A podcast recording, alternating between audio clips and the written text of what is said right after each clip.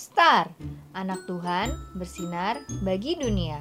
Renungan tanggal 12 Februari untuk anak balita sampai dengan kelas 1 SD. Tuhan berbicara. Diambil dari Matius 7 ayat 24. Setiap orang yang mendengar perkataanku ini dan melakukannya, ia sama dengan orang yang bijaksana yang mendirikan rumahnya di atas batu. Setiap pagi dan malam, mentari, kabulan, kabintang, mama dan papa selalu membaca Alkitab.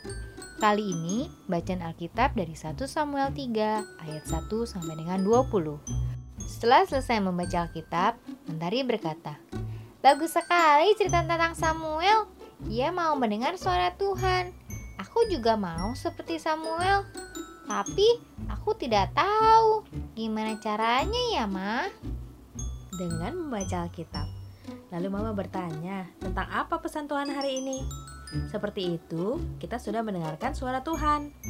Coba kita cari sebuah cerita lagi ya. Kabulan dan Kabintang, ikutan juga yuk. Adik-adik, yuk kita belajar mendengar suara Tuhan. Ayo, apa pesan Tuhan menurut adik-adik? Kalau makan bagi-bagi. Kalau makan berdoa dulu. Kalau bingung tidak ada jalan keluar, tanya dan minta Tuhan Yesus menolong. Mama tersenyum bangga. Hebat, anak mama bisa belajar mendengar suara Tuhan.